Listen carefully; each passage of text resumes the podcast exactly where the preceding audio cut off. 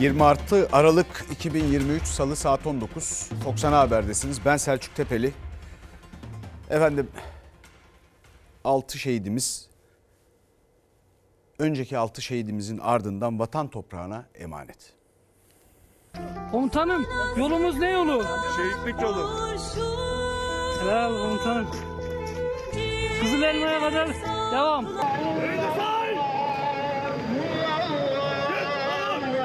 Benim şeyim bir fırsatta ya. Sen söz paylaş. Ben dönmeye değil, dönmeye gidiyorum. E, Beni görüyorsunuz, elimi görüyorsunuz. Bu alan böyle biraz daha lütfen. Eşine henüz dünyaya gözlerini açmayan karnındaki 4 aylık bebeğinin babasına veda etmek kolay değildi. Şehit piyade uzman onbaşı İsmail Yazıcı son videosunda sınır ötesi terörle mücadele operasyonuna giderken ölmeye gidiyorum demişti arkadaşlarına. Şehit olarak döndü memleketi Gümüşhane'ye. Şehitlik yolunda yürüyorum diyen sözleşmeli er Yasin Karaca da kar altında bu videoyu paylaşmıştı. 22 Aralık'ta Irak'ın kuzeyindeki Pençekilit bölgesine saldırdı PKK'lı teröristler. Şehit olan 6 askerin naaşı o karlı dağların ardından Hakkari'ye getirildi. Askeri törenin ardından memleketlerine gönderildiler. Piyade Teğmen Ramazan Günay, Piyade Uzman Onbaşı İsmail Yazıcı, Piyade Sözleşmeli Erler Yasin Karaca ve Emre Taşkın'dan geriye aynı sofradaki bu fotoğrafları kaldı. Şehadete de birlikte yürüdüler. Aynı birlikte vatanın sınırlarından püskürttükleri teröristlere karşı nöbetlerini bu videoyla paylaşmıştı şehit Teğmen Ramazan Günay. Baba ocağı Afyonkarahisar'da toprağa verildi. Benim hakkım helal sana. Sen de bana helal. Annem aslanım. 32 yaşındaki piyade uzman çavuş Mehmet Serinkan da memleketi Denizli'de son yolculuğuna uğurlandı. Pamukkale'deki cenaze töreninde Çilem Serinkan, şehit eşinin parkasını giyerek güç aldı. Kız kardeşi de abisinin üniformasını. Abi Hüseyin Serinkan da 2016 yılında Suriye'nin Elbap bölgesindeki çatışmada gazi olmuş, hastane odasında birlikte bu pozu vermişti kardeşiyle. Gazi abi de kardeşini vatan toprağına emanet etti. 23 yaşındaki piyade sözleşmeli er Yasin Karaca da memleketi Tokat'ta toprağa verildi. Piyade sözleşmeli er Emre Taşkın da 22 yaşındaydı. Memleketi Malatya'daki törenle uğurlandı.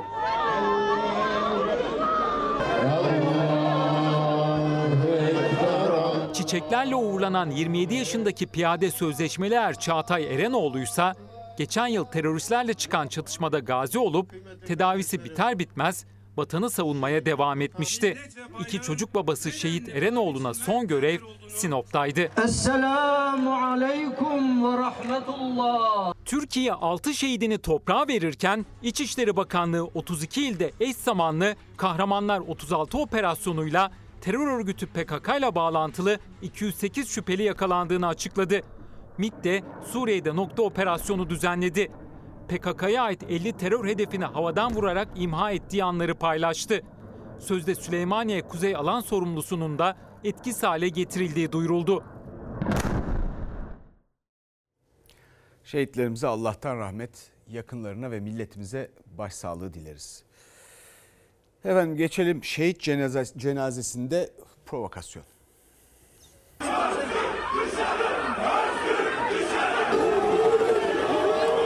Yapılan saygısızlık ne banadır ne partimedir. Üzülerek söylüyorum ki şehidimizin aziz hatırasınadır. Buna tevessül edenlere yazıklar olsun. Memleketi Manisa'da protesto edilen bu şahıs eğer aklını başına almazsa sokakta bile yürüyemeyecektir. Göğüs göğüse mücadele edeceğiz. Bizi nelerle muhatap edecekler göze alıyoruz. Kimseden korkmuyoruz. Kimseden korkmuyoruz. Şehit cenazelerinde Özgür Özel'e yönelik saldırılar, şehit ailesi de yaşananlar provokasyon derken Bahçeli'nin sokakta bile yürüyemeyecek sözlerine res çekti Özgür Özel. Ben provokasyon olacak diye korkup da bir şehit cenazesine gitmemeye kalkarsam oturduğum koltuğun hakkını vermemiş olurum.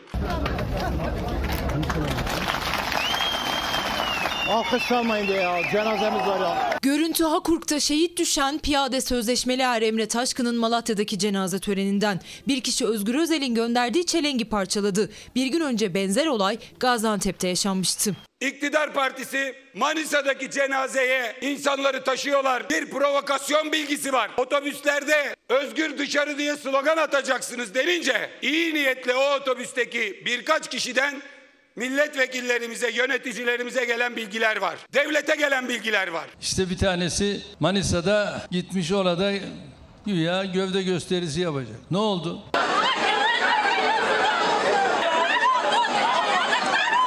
Nasıl Gaziantep'te çelengimize saldıran AK Parti'nin aday adayı çıktıysa Manisa'da 40 ağaçtaki aday adayı bir kadının nasıl provokasyonu gün boyunca organize ettiği, nasıl orada saldırıları başlattığı teker teker isim isim her birisi ortaya çıkıyor. Bu yapılan bir provokasyon, bu hazırlıklı, planlı, projeli yapılan bir şey.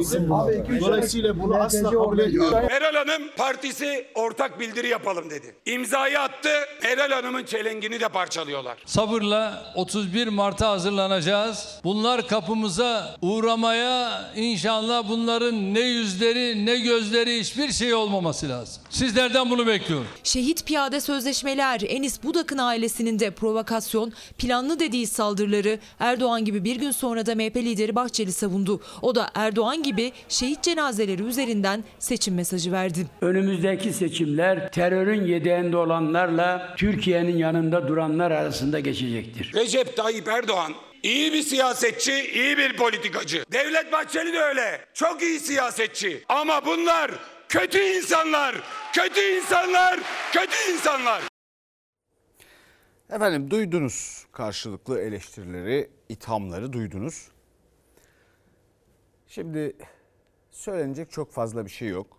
Sözlere bakıldığında gövde gösterisi dendiğine göre siyasi bir ima var orada. Ya da işte kapınıza gelecekler almayın dendiğinde öyle. Ya da işte ben gitmezsem e, bir tehdit var diye bunu reddediyorum diyen siyasetçiler o zaman sulh içinde bu ülkenin şehitlerini defnedemiyorsa siyasiler bundan sonra hiçbir şehit cenazesine hiçbir siyasetçi gitmesin. Bu kadar patırtı yapacaksanız arkasından vatan evlatlarının o zaman gitmesin. Kimse gitmesin. Biri bu teklifi iletsin. Ona göre baksınlar. Seçimin adının geçmesi bile kabul edilebilecek bir şey değil. Hangi parti nasıl söylüyorsa, neyi savunuyorsa. Efendim, Cumhuriyet Halk Partisi Genel Başkanı Özgür Özel Bahçeli'ye Erdoğan'ın mesajıyla yanıt verdi. Cumhuriyet Halk Partisi'nin bölücü terör örgütünün ismini anmadan yaptığı açıklama ise tam bir kepazelik beyanıdır. Sayın Bahçeli bugün dedin ya o PKK'nın adını anmaz onlar. Hain onlar. Cumhuriyet Halk Partisi'nin genel başkanının tweet'i PKK'lı teröristlerle çıkan çatışmada PKK'nın adını anmayan bir hain arıyorsan işte Recep Tayyip Erdoğan'ın tweet'i. MHP lideri Devlet Bahçeli'ye Cumhurbaşkanı Erdoğan'ın sosyal medya paylaşımıyla verdiği sert yanıt Özgür Özel'in terör örgütünün ismini anmayan biri varsa Erdoğan dedi. Öyle bedava siyaset yok artık. Hain arıyorsan burada. Çıkıp milletten özür dilemek yerine bir de sağ sola saldırarak suçlarını bastırmaya çalışıyor. Bunun adı yüzsüzlüktür, utanmazlıktır. Seçim sattım haline gidince montaj videolarla bizi Kandil'le birlikte göster. Sıkışınca son gece Abdullah Öcalan'dan mektup okut. Ondan sonra yerli ve milli siyaset.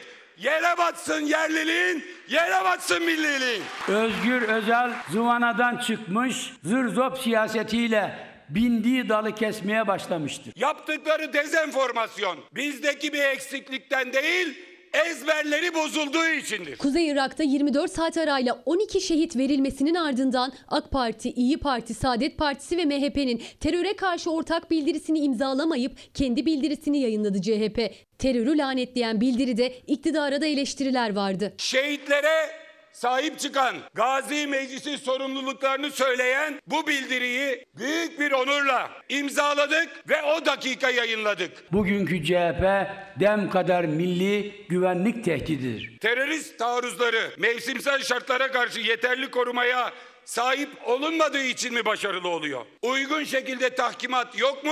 Mehmetçiğin güvenliği için başka tedbirler alınması gerekmiyor mu? CHP lideri Özgür Özel iktidara sorularını MHP lideri Bahçeli'nin CHP'yi eleştirirken kurduğu cümleler dikkat çekti. Karın, buzun, donun tam ortasında çadırdan ve teneke barakalardan kurulan geçici üslerde görev yapan kahramanlarımıza saldırıyorlar. O da AK Parti'ye eleştiriyor. Derme çatma çadırlarda bu askerlerimiz yaşıyorsa tabii ki bunun sorumlusu Cumhur İttifakı. Devlet Bahçeli'nin yapmış olduğu açıklama aslında askerin görev yaptığı alanda hangi koşullarda bulunduğunun bir itiraftır. Devlet Bahçeli askerlerin sınır ötesinde kar altında çadırlarda, teneke barakalarda kaldığını söyledi. CHP tam da bu nedenle Milli Savunma Bakanı'nın bilgi vermesini istiyor. İhmal var mı sorularını soruyor. Fakir fukaranın şehit olduğu, bunların zengin olduğu bu düzene dur diyeceğiz. Artık yeter.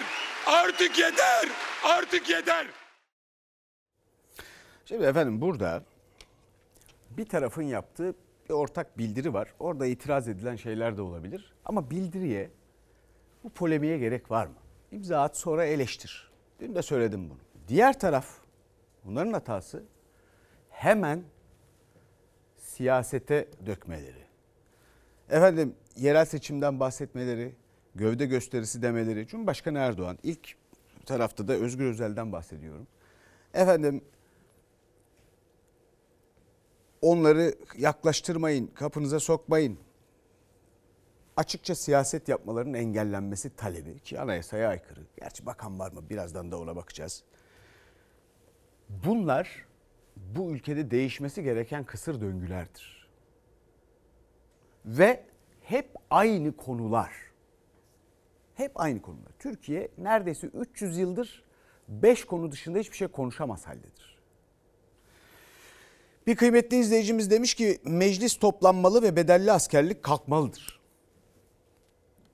Ben de hemen okuyayım dedim. Görelim bakalım. Bakalım.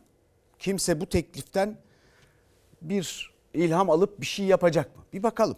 Tekrar okuyorum. Meclis toplanmalı ve bedelli askerlik kalkmalıdır. Önümüzdeki günlerde işte iktidar kanadı Cumhur İttifakı gelecek şimdi meclise. İsveç'in NATO üyeliği. Bakın bütün bu tartışmaların bu yüksek desibelin içinde komisyondan geçti. Genel kurula gelecek. İsveç'in NATO üyeliği. İsveç terör örgütünü PKK'yı desteklemekle PKK ve türevlerini desteklemekle suçlandığı için NATO'ya üye, üye olamaz diyordu iktidar kanadı. Bir takım tırıvırı adımlar atmış gibi göstermelik şeyler var. Hiçbiri işe yaramaz söyleyeyim size. Bakalım buna evet diyecek mi? Kim evet diyecek? İsveç'in NATO üyeliğine. Evet. Şimdi bakalım Cumhur İttifakı'nın ortağı federasyon dedi. Olumlu ve olumsuz tüm yönleriyle eyalet sistemi, özellik, federasyon gibi yönetim modelleri üzerinde serbestçe tartışılabilmelidir diyor. Ben MHP grubuna sesleniyorum. Sayın Genel Başkan'a sesleniyorum.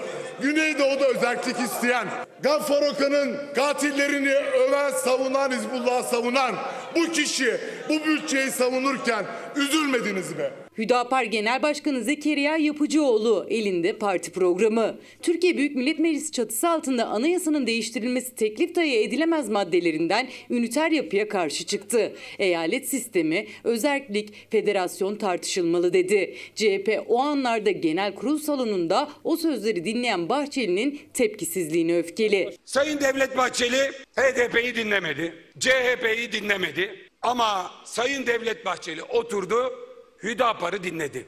İttifak ortağı Hüdapar'ı. Ağzına geleni söyleyen Devlet Bahçeli ağzını aç da konuş bakalım. Beraber yürüdük biz bu yollarda. Cumhur İttifakı ortağı Hüdapar, üniter yapıya Türk bayrağına yönelik açıklamalarıyla seçim öncesinde de gündemdeydi. Bu kez meclis çatısı altında özerklik, federasyon ve eyalet sistemini dillendirdi Hüdapar Genel Başkanı. Bu arkadaş diyor ki eyalet sistemi, özerklik, Federasyon gibi tüm modeller üzerinde serbestçe tartışmalıyız. Önce dinlemeyi öğren. Anayasanın bir kısım hükümlerini ortadan kaldırmaya teşebbüstür. Anayasal suç işlemektedirler. Olumlu ve olumsuz tüm yönleriyle eyalet sistemi, özellik, federasyon gibi yönetim modelleri üzerinde serbestçe tartışılabilmelidir diyoruz. Tamam mı? Recep Tayyip Erdoğan olumsuz yanlarını saysın. Peki olumlu yönlerini kim sayacak? Ağzına geleni söyleyen Devlet Bahçeli ağzını aç da konuş bakalım. Hüdapar Genel Başkanı kürsüden özellik tartışılsın konuşmasını yaparken MHP lideri meclis sıralarındaydı. Ama ne o tepki verdi ne de MHP milletvekilleri. Bahçeli CHP grubunun konuşmalarını dinlememişti. Konuşmayı dinlemediği CHP'nin parti programında CHP Türkiye'nin bölünmesine, parçalanmasına yönelik tüm düşünceleri reddeder yazıyor.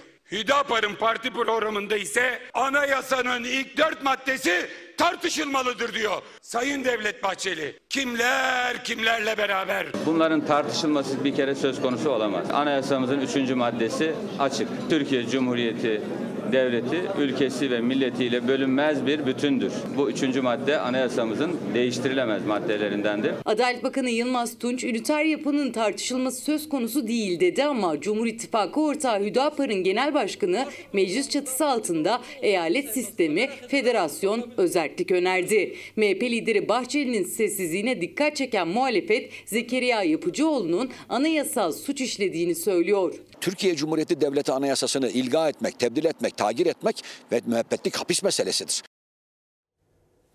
E, Devlet Bahçeli Cumhuriyet Halk Partilileri dinlemedi. Çıktı salondan. Terk etti genel kurulu. Hüdapar genel başkanını dinledi. Oradaydı yani. Arada öyle bir fark var. Sessizlik değil sadece. Yani biraz önce söylemedikleri ama dinlemedikleriyle biraz sonra söylenenler arasında bir çelişki var. Nasıl olacak bu?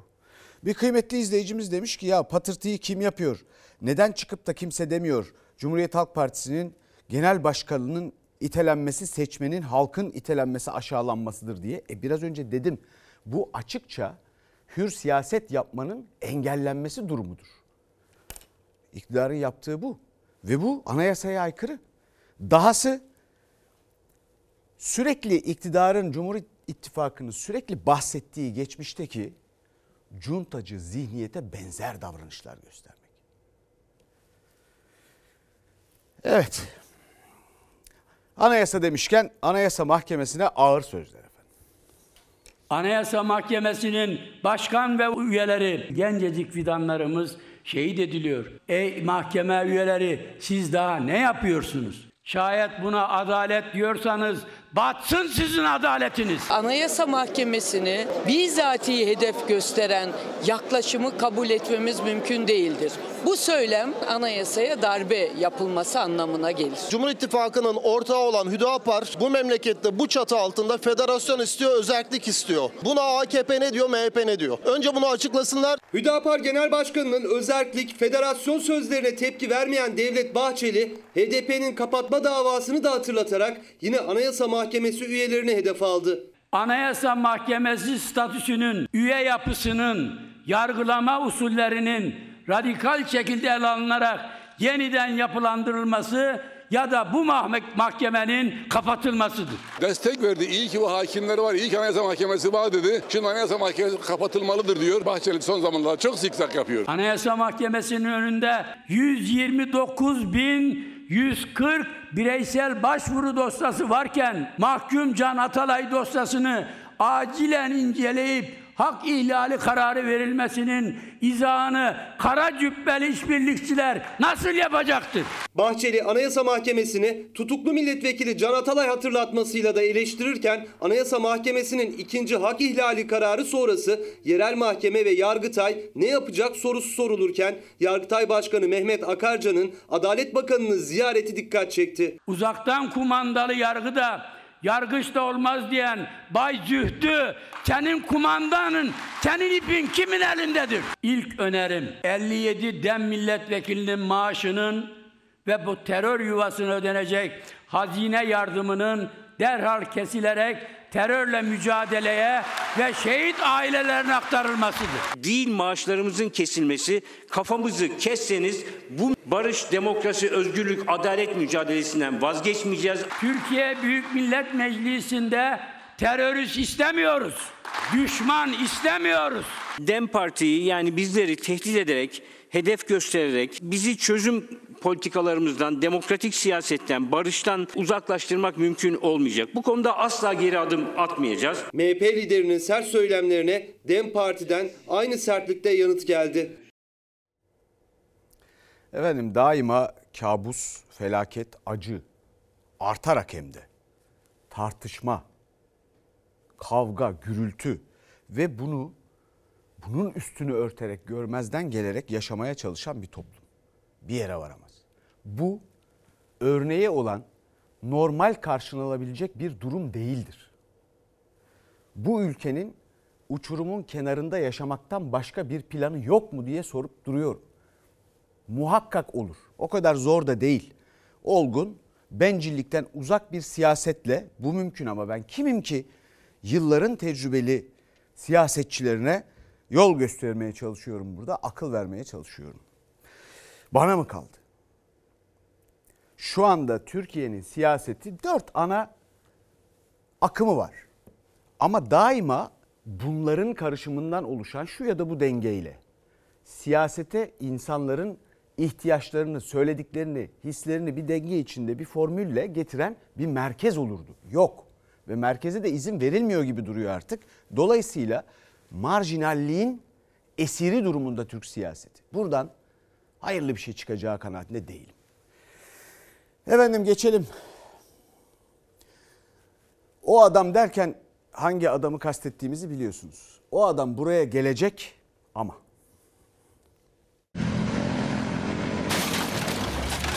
Bilirkişi raporu çerçevesi içerisinde önümüzdeki birkaç gün içerisinde iddianamede hazırlanacaktır. Tahmin ediyoruz ki yakın bir zamanda ilgili şahıs da yurt dışından gelip ifadesini verecektir. Adalet Bakanı Yılmaz Tunç'un bu sözlerinden birkaç saat sonra iddianame hazırlandı. Kuryeye çarpıp ölümüne neden olan Somali Cumhurbaşkanı'nın oğluna taksirle öldürme suçundan 6 yıla kadar hapis sistemiyle dava açıldı. Muhammed Hasan Şeyh Mahmut 26 gündür ortada yok. Bakan Tunç Türkiye'ye gelip ifade vereceğini söyledi. Kuryenin eşi ise son ifadesinde şikayetçi olmadığını belirtti. Şundan hiç şüpheniz olmasın. Burada vatandaşımızın hakkını, hukukunu yargımız elbette ki koruyacak. Eğer polisler görevini yapsaydı, savcı görevini yapsaydı, hiç gitmeseydi, tutuklansaydı burada tabii ki adam gitmeyecekti. 30 Kasım'da Somali Cumhurbaşkanı'nın oğlu İstanbul'da konsolosluk aracıyla kurye Yunus Emre Göçer'e çarptı. İki çocuk babası kurye hayatını kaybetti. Olay yeri tutanağında polisler kuryeyi kusurlu bulmuştu. Muhammed Hasan Şeyh Mahmut ifade verip serbest kaldı. Yurt dışı çıkış yasağı da konulmadığı için Türkiye'den kaçtı. Sonrasında çıkan görüntülerse Somalili sürücünün kusurlu olduğunu gösteriyordu. Adli Tıp Kurumu da o yönde rapor hazırladı. Şüpheli Muhammed Hasan Şeyh Mahmud'un asli derecede kusurlu, Yunus Emre Göçer'in tali derecede kusurlu olduğu kanaatini bildirir müşterek rapordur. İlgili şahıs da yurt dışından gelip ifadesini e, verecektir. Dışişleri Bakanlığımızın da görüşmeleri söz konusu oldu ve yakın zamanda bu süreç gerçekleşecek. Şeyh Mahmut için 6 yıla kadar hapis cezası istenen iddianame hazır dava açıldı. Türkiye'ye gelip ifade vermesi bekleniyor. İddianamede Yunus Emre Göçer'in eşi Öznur Göçer'in ilk ifadelerinde Somalili sürücüden şikayetçi olduğu, 20 Aralık'taki ifadesinde ise şikayetini geri çektiği belirtildi. 20 Aralık Öznur Göçer'in Somali Cumhurbaşkanı ile telefon görüşmesinin iki gün sonrasına denk geliyor. Türk yargısına güveniyoruz. Bir baba olarak üzüntümü paylaşmak isterim. Çok teşekkür ederim.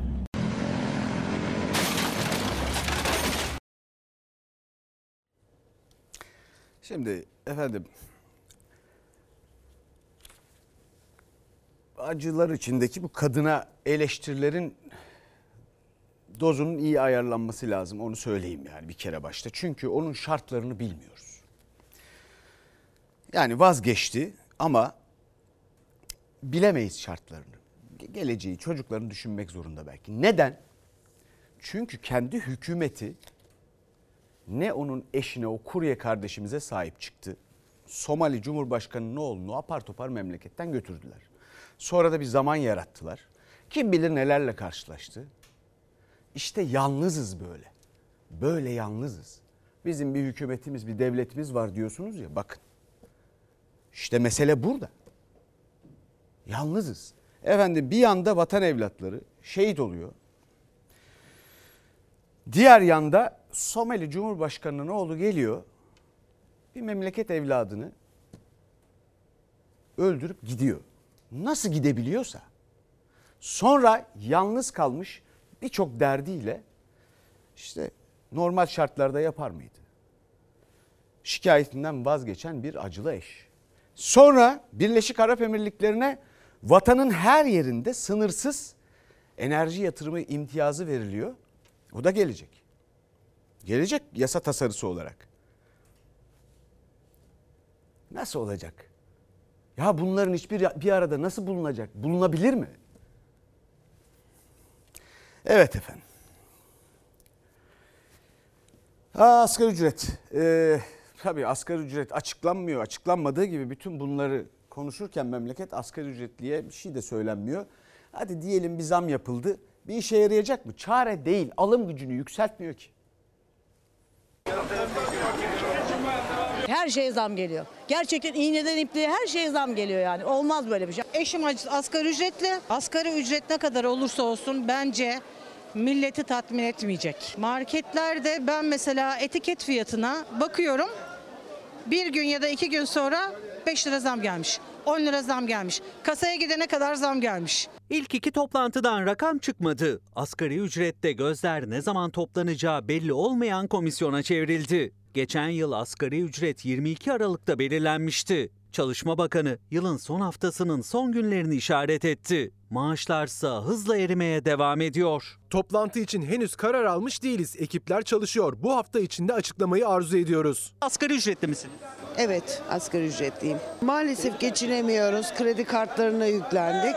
Temel gıdaların fiyatları şu anda çok yüksek. Az bir oran olsa bir şey fark etmez. İnsanlar yine mutsuz olur. Markette, pazarda artan gıda fiyatlarına yetişemeyen asgari ücretli yeni asgari ücreti merak ediyor ama onlar bir konudan çok emin. O da yeni maaşın artan hayat pahalılığı karşısında eriyeceği ve onlara yetmeyeceği. 16-17 bin lira civarına getirecekler diye söyleniyor. Onu tabii bir yıl boyunca sabit kalması halk için ayrı bir sorun olacak. Yılda tek zam olacağı açıklandı asgari ücrette. O zammın yüksek enflasyonda erimesinden endişe ediyor asgari ücretli. Market katalogları temel gıdadaki fiyat artışlarının kanıtı. İstanbul'un Anadolu yakasında bir süpermarketin önündeyiz. Elimizde hem bu markete ait geçen yıl Aralık ayının kataloğu var hem de şimdiki katalog.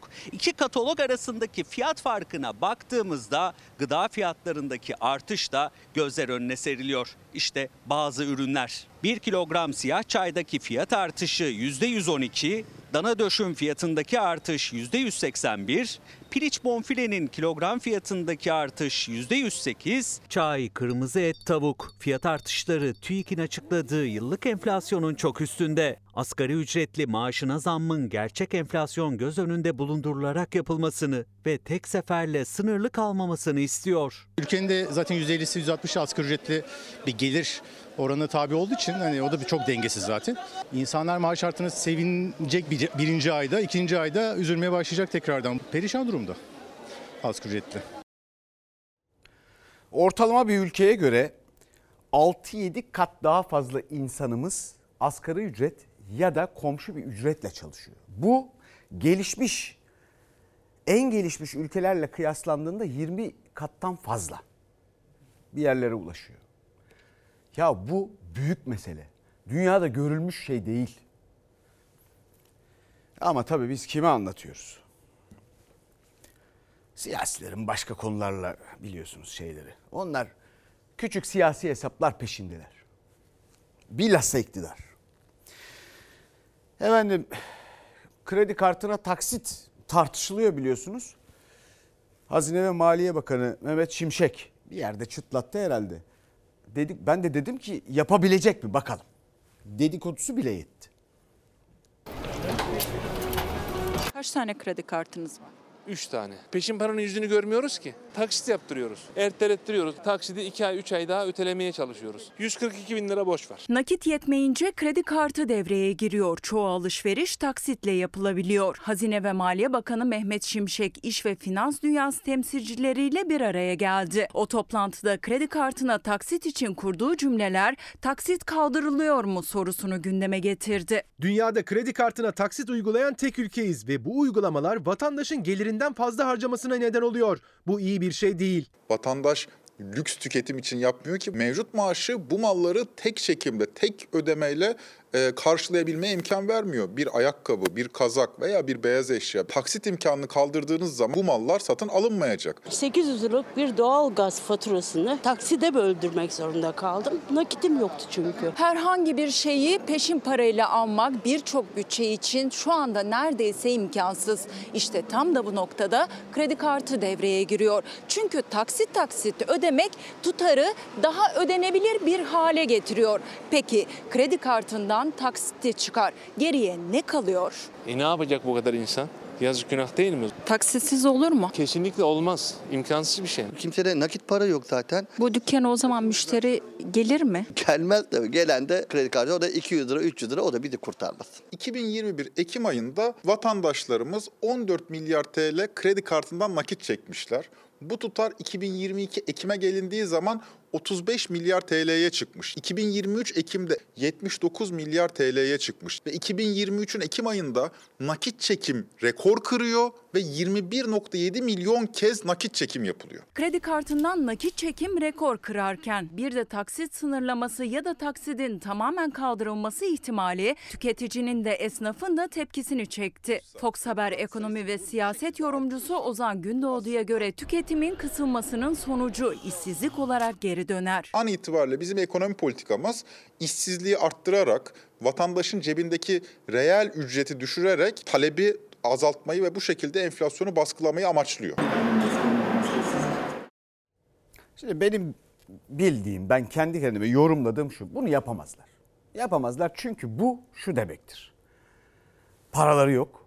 Başka çareleri de yok. Ama bu işsizliğin artmasına göz yumacaklar. Milli gelirin büyümenin düşmesine göz yumacaklar. Kişi başı gelirin düşmesine hem de dramatik biçimde göz yumacaklar demektir. Seçimden sonra yaparlarsa yaparlar. İşte o zaman bütün bunlara maruz kalacaksınız demektir. Evet bakalım Kızıl Goncalar dizisi Türkiye'nin tartıştığı, konuştuğu dizi, Türkiye'nin konuştuğu denklem.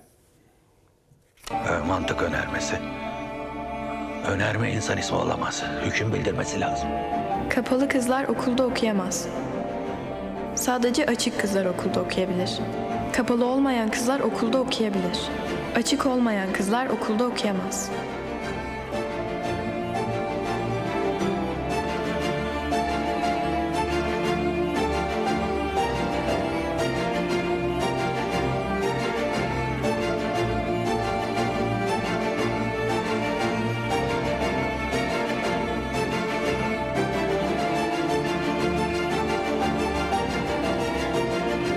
Kızlara oluyor. Ne farkınız var? Fox'un yeni dizisi Kızıl Goncalar ikinci bölümüyle de izleyiciyi ekran başına kilitledi. Bu sahne ise gündem oldu.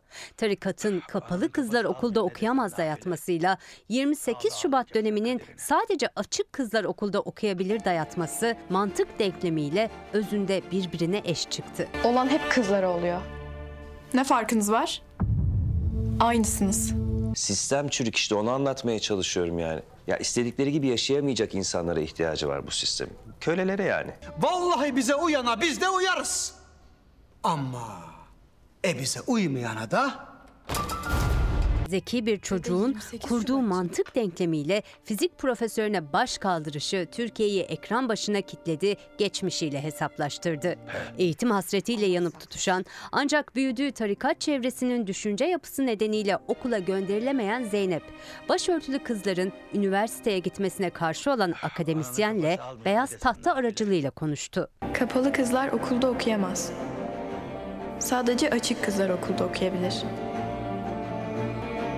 Kapalı olmayan kızlar okulda okuyabilir. Açık olmayan kızlar okulda okuyamaz.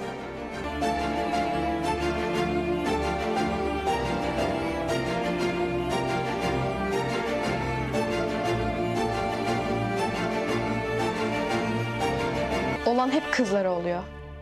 Ne farkınız var? Senin çözemediğin soruyu çözdüm diye mi kıskanıyorsun? Ne kıskanacağım seni ben? Dedem nereyi yapmış? 28 Şubat'ta sizi okutmamış. Dede 28 Şubatçı mı? İkiz olduklarını bilmeden iki farklı ailede, iki farklı çevrede büyüyen Zeynep ve Mira'nın yaşama etrafında şekillenen dizi yayınlandığı günden itibaren izleyicinin beğenisini topladı. Aynı düşünmeyenlerin birbirine baskısı ve o baskı altında ezilenlerin aynı oluşu. Kızıl Goncalar'da vücut buldu. Olan hep kızlara oluyor. Ne farkınız var? Aynısınız. Ben biraz denklemi genişleteyim müsaadenizle. Başı açık kapalı. Kız ya da erkek. Bu ülkede olan hep gençlerin umutlarını oluyor. Bakın şimdi göreceksiniz. Boğaziçi Üniversitesi'nde 28 Şubat kafası.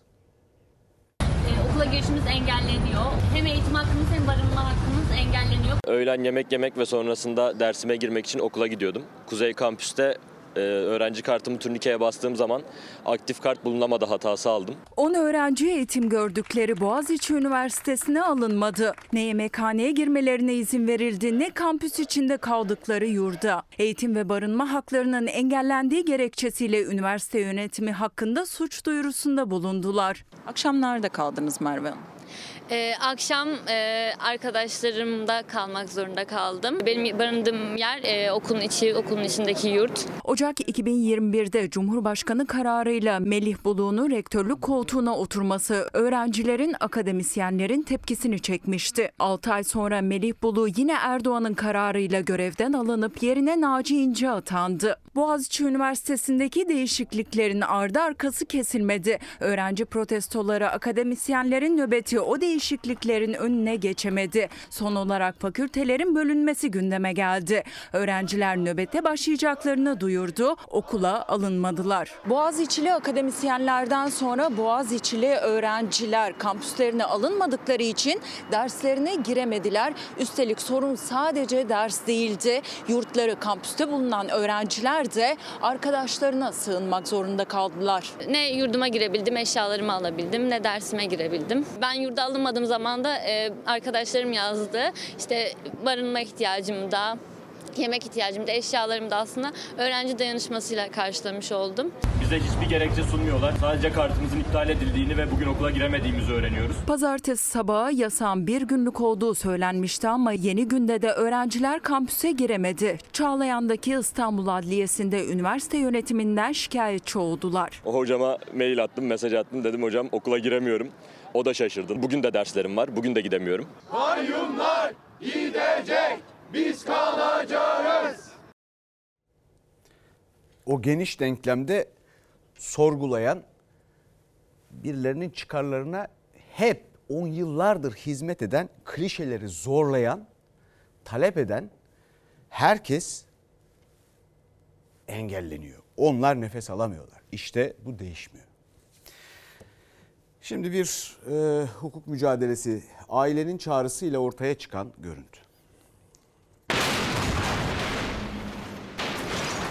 Cinayet var aslında. Bu bir kaza değil. Burada kasıtlı bir şekilde 4 kişinin üzerine giden bir motosiklet var. Acılı aile tanık arıyordu. Kazanın görüntüsü ortaya çıktı. Hızla kaldırıma çıkan motosiklet 4 kadını ezdi. 38 yaşındaki Nazan Burcu Soyer hayatını kaybetti. Bir kadın da ağır yaralandı korkunç kazada. Otomobille motosikletin yarıştığı öne sürülüyordu. Aile sadece otomobil sürücüsünün tutuklanmasına tepkiliydi. Bu görüntüyle motosikletli de tutuklu yargılansın istiyorlar. Orada motoru yatırabilirsiniz. Bu bir kasıt.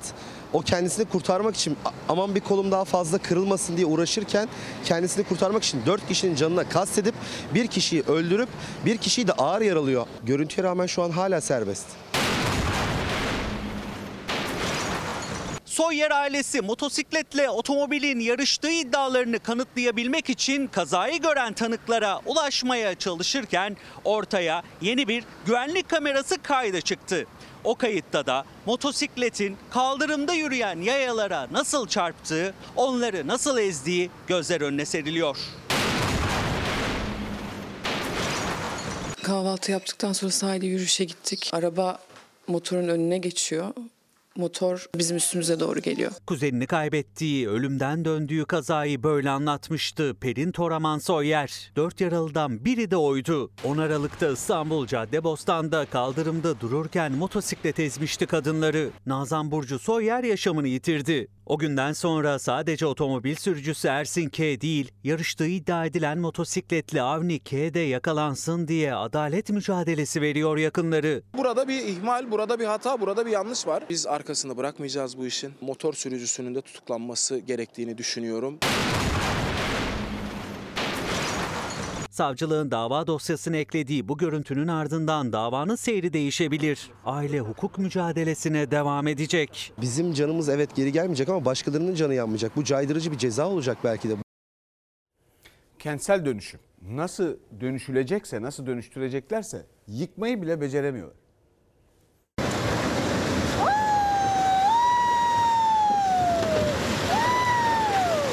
Evet, evet yıkım bu.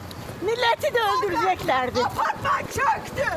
Belediyeyi çağırdık e, yani yolu kapatsınlar diye. Belediye biz kapatamayız dedi zaten. Adı kontrollü yıkım ama göz göre göre kontrolden çıktı. İstanbul Esenyurt'ta facianın eşiğinden dönüldü. Kadıköy'de ise yine kentsel dönüşüm için yıkım çalışmaları sırasında bir kepçe operatörü molozların altında kaldı. Kepçe operatörünün aşağı indiğinde e, oradaki katın çöktüğünü gördük ve e, içinde belinin yarısına kadar moloz altında kaldı. Kadıköy Cafer Ağa'da bulunan bu giriş üzeri 4 katlı binaya kentsel dönüşüm kapsamında elle yıkım kararı verilmişti. Artık yıkım tamamlanmış. Giriş katta bulunan molozlar kaldırılacaktı. Binaya iş makinesi girdi. Parça değişim sırasında da kaza meydana geldi. İş makinesi ucunu değiştirirken arka tarafa doğru bir kayma oluyor ve göçük altında kalıyor. Yaralı kepçe operatörü bir deprem sonrası enkazdan çıkarılır gibi sedye ile ambulansa taşındı. Tedavisi sürüyor. Yıkımdan da iş güvenliğinden de özel firma sorumluydu. Ancak denetim ilçe belediyesinin sorumluluğunda. Kadıköy Belediyesi önlem alındı dedi ama mahalleliye göre yıkım boyunca tedbirler eksikti. Önlemi alması gereken yıkım müteahhiti. Peki bu önlemlerin alınıp alınmadığını kontrol etmesi? Ediyoruz. Kadıköy Belediyesi olarak burası daha önce tamamen olduğu gibi saç perdeyle çevrelenmişti. Zemin kat aşamasına geldiğinde bütün perdeler çıkarılmak zorunda kaldı. Yıkım çalışmaları başladığı andan beri burada e, molozlar döküldü. Bazen saçlar uçtu. Bazen dökülen molozlar dükkana kadar geldi. Eyüp Sultan'da da yağışın etkisiyle toprak kayması meydana geldi. Kısa süre önce kentsel dönüşüm kapsamında boşaltılan binanın kömürlüğünden kopan molozlar çocuk parkına döküldü. Parkta kimsenin olmaması faciayı önledi. Bu kadar ucuz mu bizim hayatımız? Vegan beslenmeye ilgi arttı. Kolay, çok zor değil. Yani her şey bio. çok sağlıklı bir şekilde. En çok sevdiğim şey mesela tofu. Yani et yerine yenilebilir. Bu diyet herkese uygun mu? Kesinlikle herkese uygun değil. Ee, zaten mutlaka bir hekim kontrolünde ilerletilmesi gerekiyor. Restoranlarda vegan yiyeceklere talep %67 arttı. Vegan beslenenler hayvansal gıdaların tümünü reddediyor. Yıldan yıla yaygınlaşıyor. Ancak bu beslenme tarzını destekleyecek tofu, soya ürünleri ve diğer bitkisel ürünlere erişmek zor. Denge sağlanamadığında, karbonhidrata yüklenildiğinde tek tip beslenme sağlığı bozabiliyor. Bu kişiler çok fazla karbonhidrata yönlendikleri takdirde ne yazık ki sağlıklı bir yolla ilerlemek isterken sağlığı daha da kötüye çekebiliyorlar.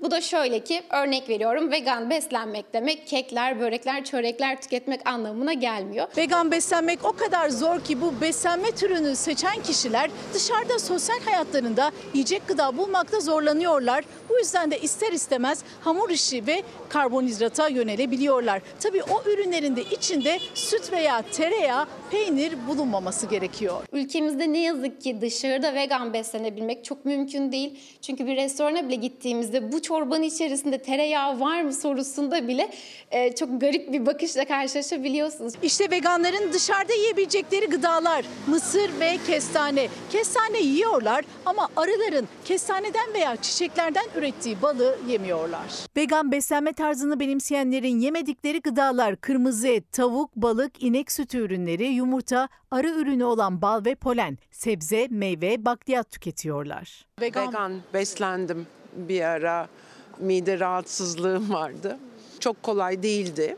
mecburiyetlerimden dolayı vegan beslendim. Ben ne yapmıştım? Bir kere sadece bir hafta boyunca sebze suyu. Sadece sebze suyu. Evet. Badem, soya, yulaf, fındık bunların hepsinin sütü mevcut. Hatta kişiler evlerinde de çok rahatlıkla bu sütleri yapabilirler. Et yerine tüketilen tofunun kilosu ise markasına göre 115 lirayla 350 lira arasında değişiyor. Dünya için iyi et, et yemeyelim, hayvan kesmeyelim falan diye yapıyorlar ama Türkiye'nin şu anki standartlarına göre zaten birçok insan et yiyemiyor. Zorunlu bir veganlık var bence. Şimdi bir ara sonra bir dakika bölümünde buradayız. Öfkeniz tek teselli kaynağınız olmasın. Bizden sonra Yabani dizisi var yeni bölümüyle iyi seyirler. Dostuma